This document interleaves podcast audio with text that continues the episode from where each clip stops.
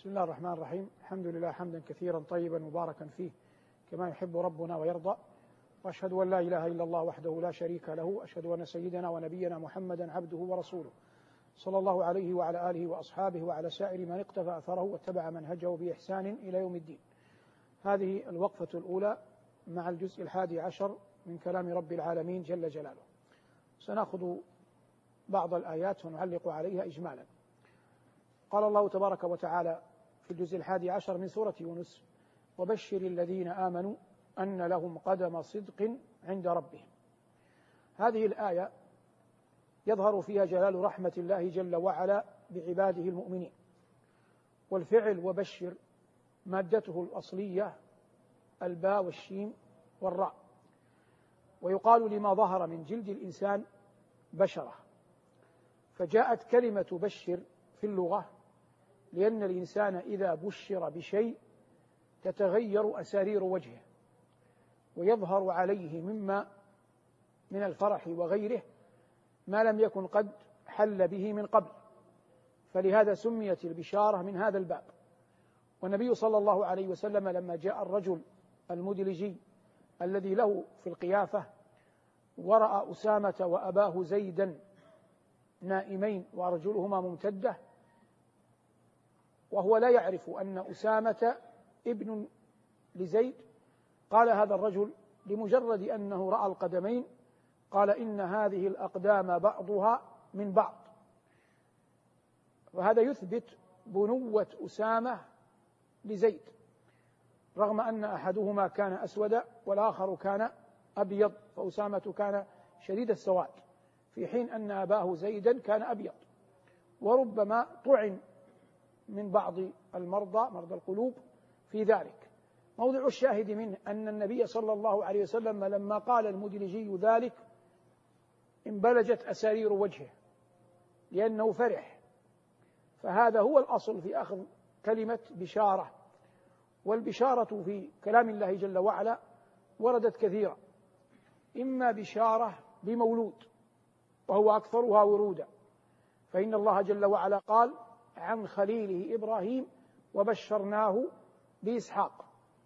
وقال ولقد جاءت رسلنا إبراهيم بالبشرى وقال بشرناك بالحق فلا تكن من القانطين وهذه كلها في حق خليل الله إبراهيم.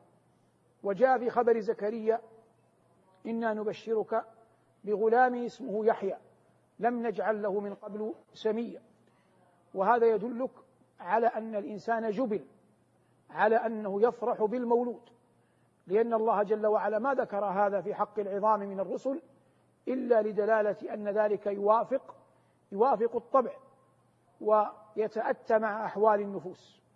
ولهذا بشر الأنبياء بالأولاد ذكورا وإناثا.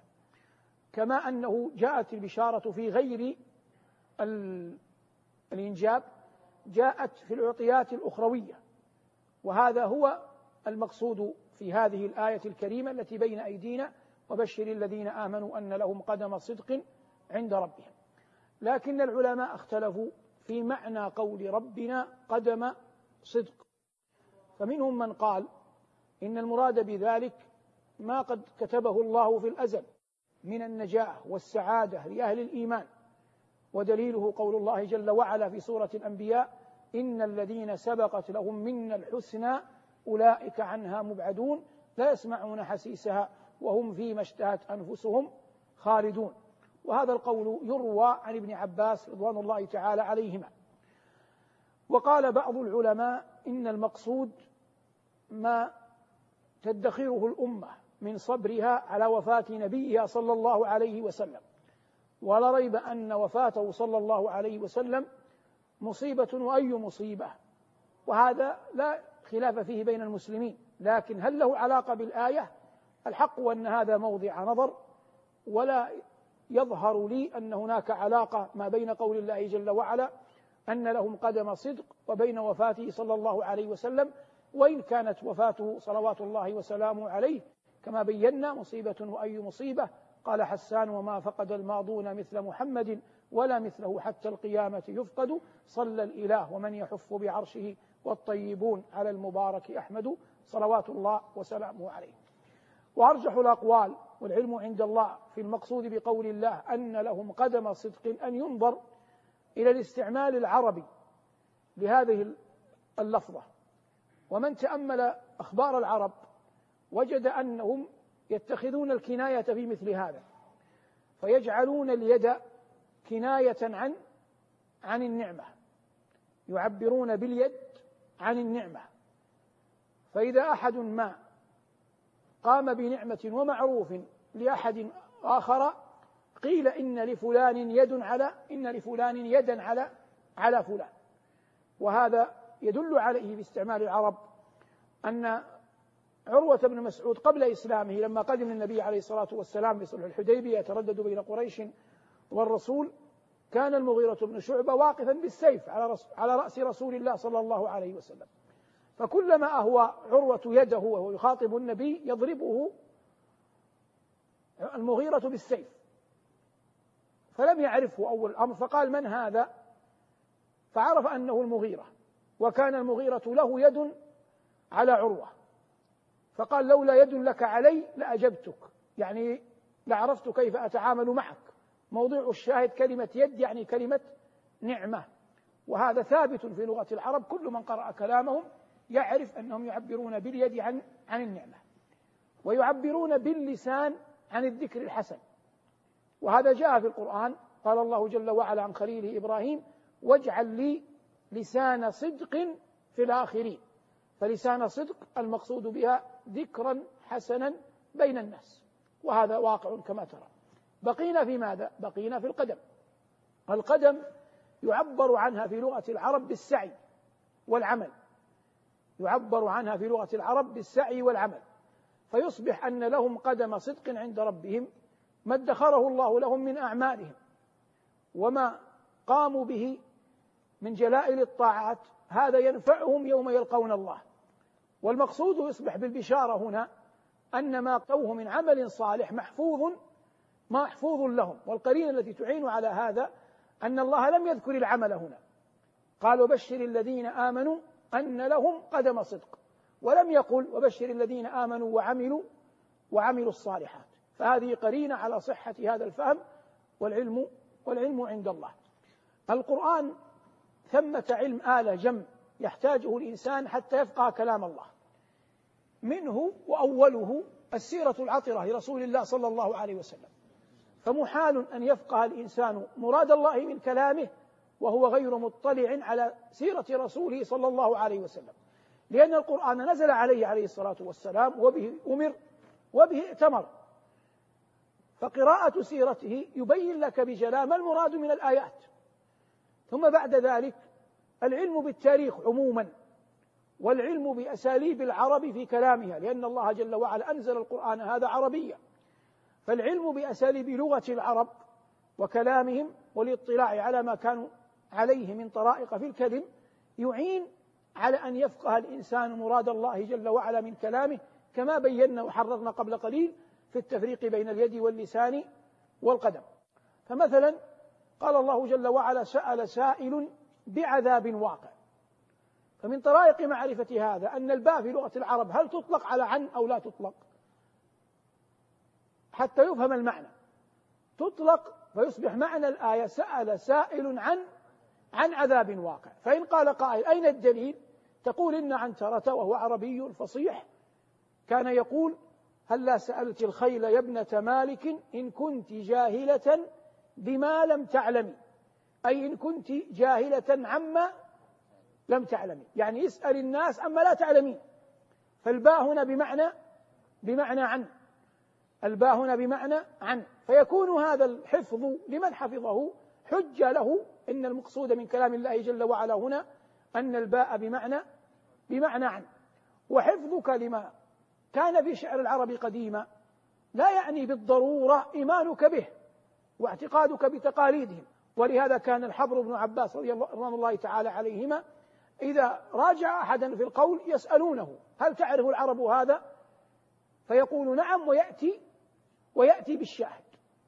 ولا ريب أنه لن يأتي بالشاهد حتى يكون قد اطلع على على كلام العرب وحفظ شعرهم ويرون له في هذا رضي الله تعالى عنه وعن أبيه أمورا عظام. لكن الذي يعنينا أن أن كل أحد يتصدر في أي باب في أي مجال يحاول قدر الإمكان أن يجمع طرائقه ويقبض على آلته حتى يستطيع أن يبلغ دين الله إن اختار المجال الديني. على أكمل وجه وأتم وأتم نحو. نعود للآية إيمانيا. وبشر الذين آمنوا أن لهم قدم صدق عند ربهم. هذا أعظم ما يعين على الطاعة. أن تعلم أن الله جل وعلا يحفظ لك عملك وقد يأتيك من يثبطك. إن اجتهدت في طاعة فيقول لو كنت بنفسك أرفق ولو دفعت مالا قال أبناؤك أحوج ولو صنعت وصنعت أتى لك بما يغير حالك. نعم دين الله وسط لكن عندما يتذكر المؤمن أن هذا محفوظ عند الله يعينه على العطاء وقد قال الحطيئة من يفعل الخير لا يعدم جوازيه. لا يذهب العرف بين الله والناس. هذا قاله رجل فاسق. لكن المعنى حق. والإنسان ينبغي أن يكون له سريرة حسنة تقوم على أنه يدخر أعمالا له عند ربه وقد مر معنا كثيرا أن محمد بن كعب القرظي أحد التابعين من المفسرين رزق مالا فجأة فأنفقه. فقال له بعض الناس لو ادخرت المال لولدك قال أدخر مالي لي عند ربي وأدخر ربي لولدي. وهذا عين الفهم ومن دلائل العقل لكن ليس كل أحد يؤتاه ويعطاه. هذه الوقفة الأولى. من الجزء الحادي عشر من كلام رب العالمين جل جلاله. تعالوا ساعة نؤمن جميعا. مع القرآن. مع القرآن. هذه الوقفة الثانية من الجزء الحادي عشر. عند قول الله جل وعلا ألا إن أولياء الله لا خوف عليهم ولا هم يحزنون. الذين آمنوا وكانوا يتقون لهم البشرى في الحياة الدنيا وفي الآخرة. لا تبديل لكلمات الله ذلك هو الفوز العظيم. هذه أداة استفتاحية. والعرب لها حروف مفردات تستفتح بها الكلام. ولهذا قال بعض العلماء من المعاصرين وهو المراغي رحمه الله قال إن حمل فواتح الصور مما عرف بالحروف المقطعة على أنه استفتاح كديدن العرب في كلامها أولى والحق أن هذا أجمل ما وقفت أن هذا أجمل ما وقفت عليه في مثل هذه المسألة والعلم عند الله. قال أصدق القائلين ألا إن أولياء الله لا خوف عليهم ولا هم يحزنون. لم يترك الله لأحد أن يبين من هم أولياؤه وإنما أجاب عنها. في الآية التي تليها فقال الذين آمنوا وكانوا وكانوا يتقون. فأهل الإيمان والتقوى هم أولياء الله.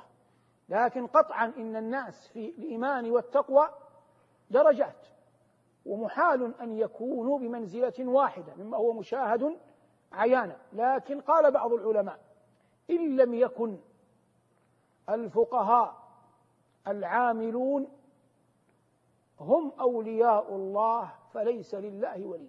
إذا أعلى المنزل أعلى منازل الأولياء أن يكون هناك علم شرعي في صدر ذلك الرجل أو تلك المرأة. ثم يكون هناك عمل بمقتضى ذلك بمقتضى ذلك العلم. فيجتمع العلم والعمل وأعظم العلم العلم بمن؟ العلم بالله. فإذا اجتمع هذا في قلب أحد كان حقا من أعظم أولياء الله. وليس المقصود بالعمل الخالي من التعبد لأن الناس في هذا على أربعة أحوال. فيوجد رجل عالم لكن ليس له حال تعبدية ليس له كثرة عبادة.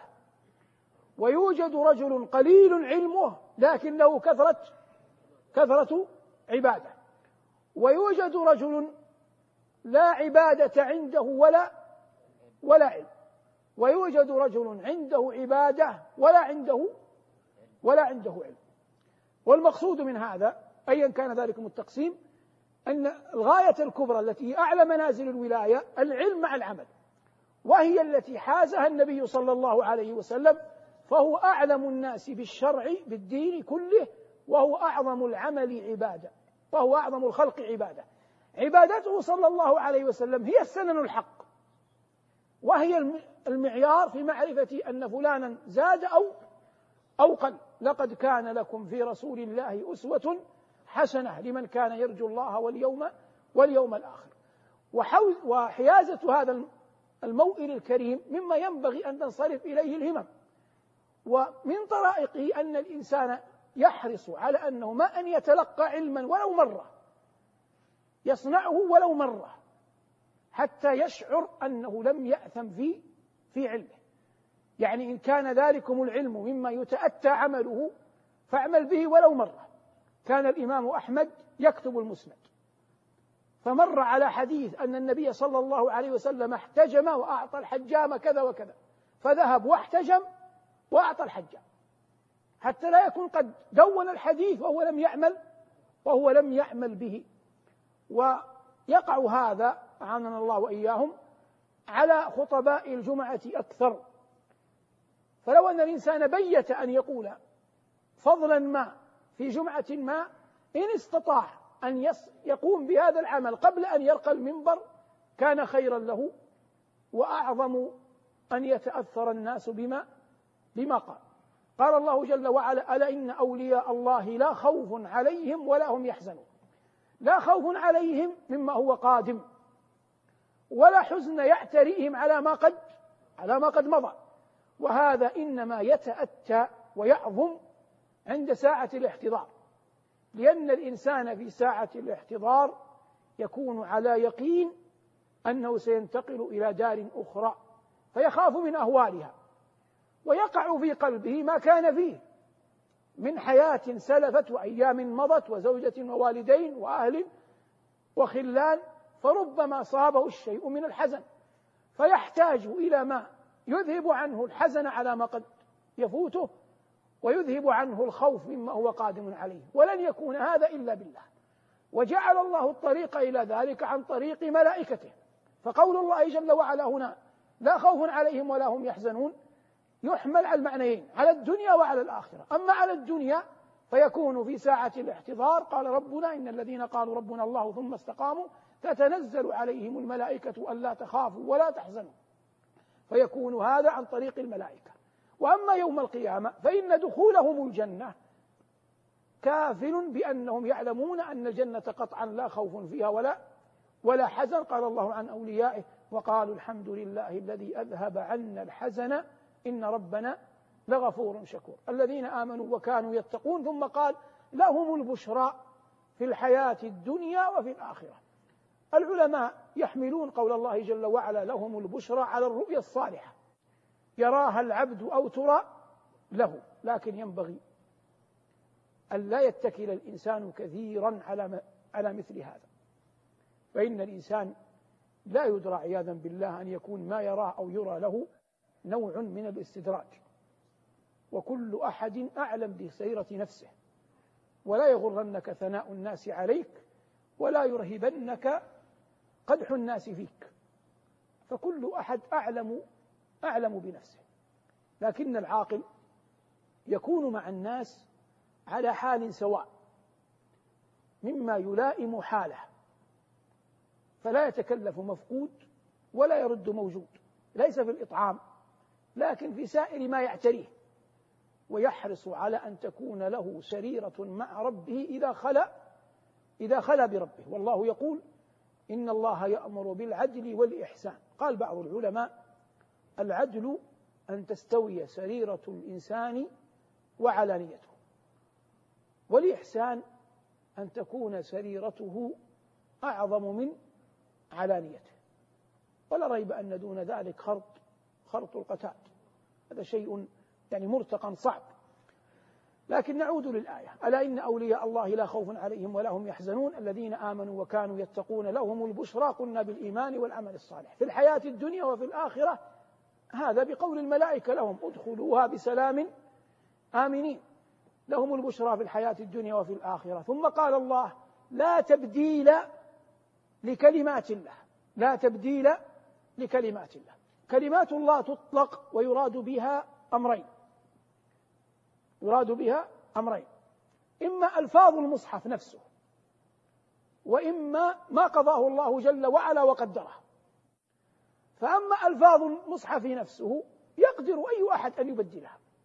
يأتي إنسان يقرأ على إنسان لا يحفظ القرآن فيأتي بآيات من عنده ويجعل هذه قبل هذه وهذه بعد بعد هذه. لكن ليست المقصودة بالآية. المقصود بالآية ما قضاه الله جل وعلا وحكمه. هذا المقصود لا تبديل لكلمات الله.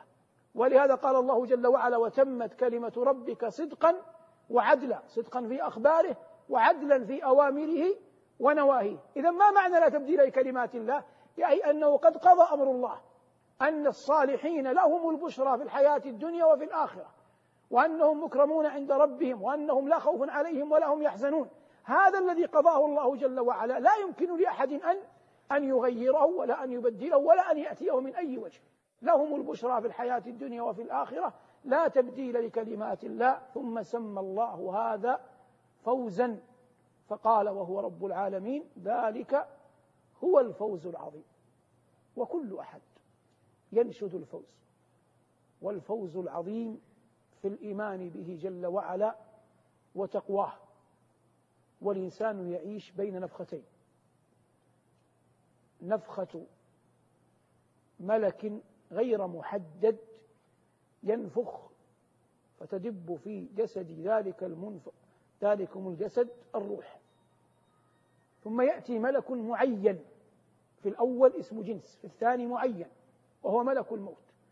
فما نفخه الملك واخوه من قبل ودب في الجسد وانتشر ولا يختص بجزء منها يأتي ملك آخر يقبض تلكم النفخة.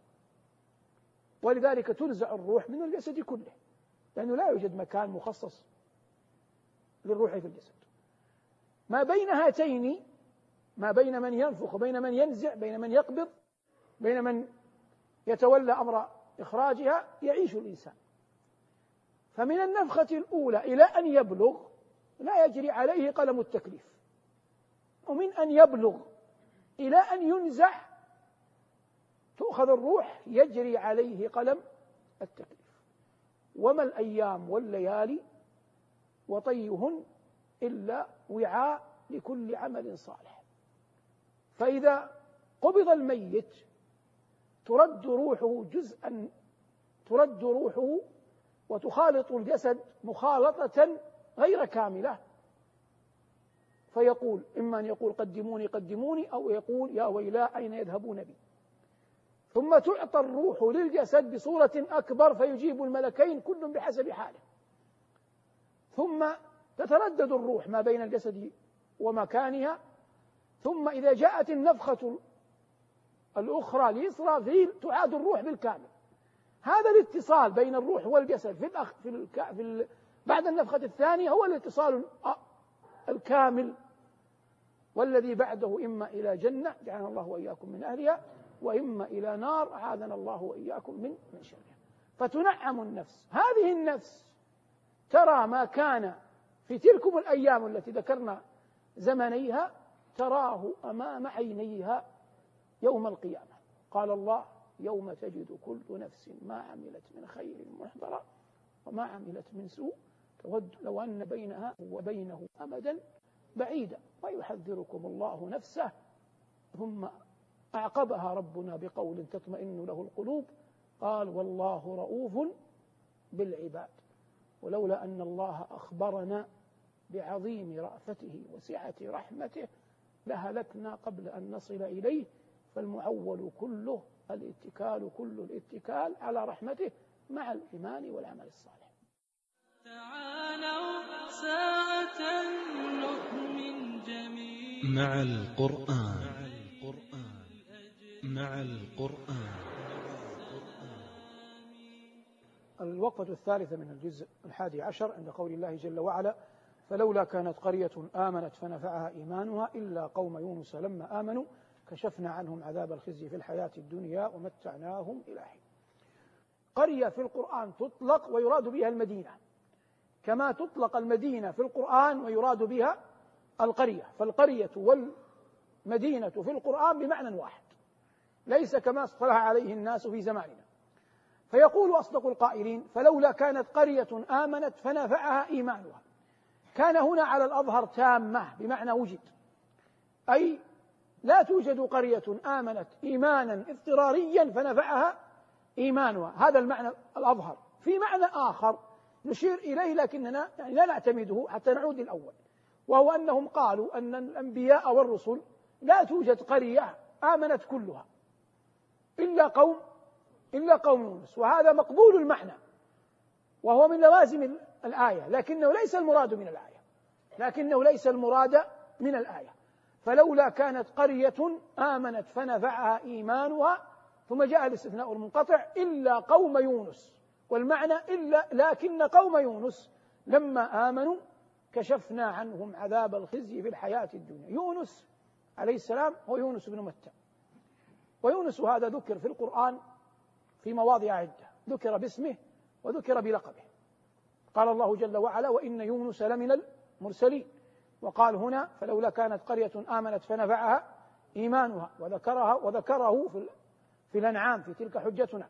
وجاء بما اشتهر به قال الله جل وعلا وذنوني إذ ذهب مغاضبا وقال في القلم ولا تكن كصاحب كصاحب الحوت وكلها تأتي على يونس هناك غلام نصراني اسمه عداس. في منقلبه صلى الله عليه وسلم من الطائف لما رده أهلها بعث بعض سادتها له بقطاف من عنب. فجاء به الغلام واسمه عداس إلى النبي صلى الله عليه وسلم. فلما أخذ وهم بالأكل قال بسم الله الرحمن الرحيم. فقال له الغلام أراك تقول قولا لا يقوله أهل هذه البلدة. فقال صلى الله عليه وسلم من أنت؟ قال أنا عداس. قال من أين؟ قال من نينوى. فقال عليه الصلاة والسلام وهذا في أول الوحي. قبل الهجرة قال من بلدة النبي الصالح يونس بن متى؟ فذهل عداس لأنه يعرف أن العرب أمة أمية لا يقرؤون قال وما أدراك ما يونس بن متى؟ والله لقد تركت نينوى وليس فيها إلا أربع أو ست رجال يعرفون يونس بن متى. فإذا كان أهل القرية التي فيها يونس مع مضي الأزمان نسوا يونس. فكيف تعرفه أنت ويقول أنا تركت نينوى وليس فيها إلا أربع أو ست يعرفون من هو يونس بن متى؟ فقال صلى الله عليه وسلم هو نبي وأنا وأنا نبي. فأخذ عداس يقبل النبي صلى الله عليه وسلم. موضع الشاهد منه. فهمنا من هنا أن يونس بعث في نينوى من أرض الموصل من من العراق. دعا قومه توعدهم بالعذاب كأن العذاب تأخر. على أظهر أقوال العلماء تركهم. لما تركهم ركب سفينة.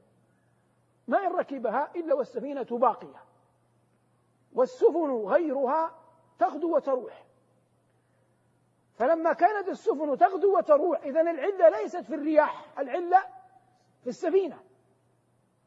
فأخذوا يتساءلون فيما بينهم قال والله إن هذا لا يكون إلا عبدا أبق من سيده. فاقترعوا. فقبل أن يدخل معهم قال الله فساهم فكان من المدحضين فساهم غير فأسهم. أسهم بمعنى أعطى شارك.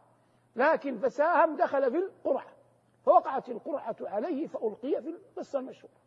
لما ألقي ألقي أين؟ ألقي في البحر. والبر والبحر والجو كلاهم كلها ملك لله. فابتلعه حوت والحوت هذا ذهب إليه بقدر الله. فلما ابتلعه أوحى الله إلى الحوت ألا تهشم له عظما ولا تأكل له لحما فبقي مستقرا في بطنه. فأخذه الحوت إلى قاع البحر فاجتمع عليه ظلمة بطن الحوت وظلمة الليل وظلمة وظلمة البحر.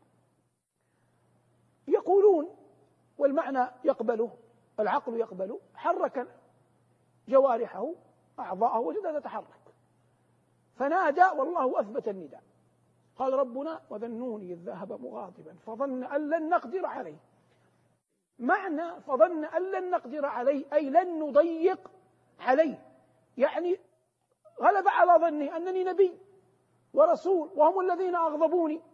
فلو تركتهم لن يضيق الله علي. لن يعاقبني الله على ما وقع مني. هم الذين أخطأوا هم الذين كفروا هم الذين لم يستجيبوا لي. وهو كأنه لم يستأذن من ربه في الخروج. فظن أن لن نقدر عليه من التضييق ليس من القدرة. فظن أن لن نقدر عليه هذا الذي جعله يعزم على المضي. لكنه لما وجد نفسه في بطن الحوت من رحمة الله بأي عبد إذا أراد الله أن يقبله يعلمه كيف يقبل على الله. فالله يعلمه ثم يقبل منه. يلقي في قلبه أن يتوب ثم يقبل منه التوبة. يدله كيف يتوب ثم يقبل منه تلك التوبة ثم يرحمه. فقال ربنا فنادى في الظلمات وذكر ثلاث جمل. الأولى شهد لله بالتوحيد. فقال كما قال ربنا فنادى في الظلمات أن لا إله إلا أنت. وما خلق الله الخلق إلا من أجل هذه الكلمة. لا تقام ساحة عرض يوم الحساب ولم يخلق الله السماوات والأرض ولم ينصب سوق النار وسوق الجنة ولم ينزل كتاب ولم تأتي سنة إلا من أجل أن يعبد الله وحده وحده دون سواه. أن يعبد الله وحده دون سواه. فقيها يونس قال لا إله إلا أنت. ثم نزه ربه عما لا يليق به. فقال سبحانك ومن أعظم العبادات تنزيه الله عما لا يليق به. ثم اعترف بخطيئته لأن في انكساره سببا عظيما لقبول توبته. فقال سبحانك إني كنت من الظالمين. فجمع بين ثلاثة أمور ما بين توحيد الله وما بين تنزيه الله عما لا يليق به وما بين الاعتراف بالذنب والخطيئة. ماذا قال أرحم الراحمين؟ قال فاستجبنا له. فحقق الله مراده فأمر الله الحوت أن يلقيه في البحر أن يلقيه خارج البحر. فألقاه الحوت. قال الله فنبذناه بالعراء وهو سقيم. لما مكث أياما وقلنا مرارا الله لا يعجل لعجلة أحد من خلقه. كان بالإمكان أن يخرج سويا لكنه خرج ضعيفا. ثم استوى على سوقه أياما حتى رد إليه صحته فذهب إلى قومه. وهم لما تركهم يونس عليه السلام شعروا بقرب العذاب أظلهم العذاب. فأصبح إيمانهم اضطراري أو اختياري اضطراري لأنهم أظلهم العذاب. فلما رأوا العذاب الأصل أن الله لا يقبل توبة حينها. لهذا قال الله إلا قوم يونس. مستثنون من سنن الله في خلقه. لما؟ الله أعلم. الخلق خلقه والأمر أمره والملك ملكه. فاستثناهم الله جل وعلا. وهم جاروا إلى الله وفرقوا ما بين كل ذات ولد وولدها ما بين البقر والعجل ما بين الإبل وفصيلها ما بين كل دابة وابنها وما بين النساء وأولادهن. فوقفوا في ساعة عظيمة يجأرون إلى الله جل وعلا. والله تستجدى رحمته بالانكسار. من طرائق الانكسار أن يوفق الإنسان للفظ. كلمة يقولها تستدر بها رحمة الله. ذلك جبريل لما رأى كان يبغض فرعون. لما قال فرعون أنا ربكم الأعلى أبغضه جبريل أبغض فرعون بغضا عظيما. فلما جاء فرعون في البحر أخذ جبريل يأخذ الطين ويضعه في فم فرعون خوفا من أن يقول فرعون كلمة يستدر بها رحمة الله. وهذا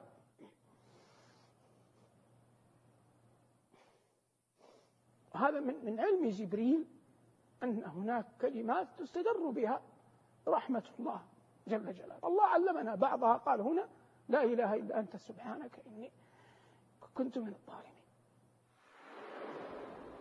مع القرآن نحيا في سلام فخير الوقت في خير الكلام.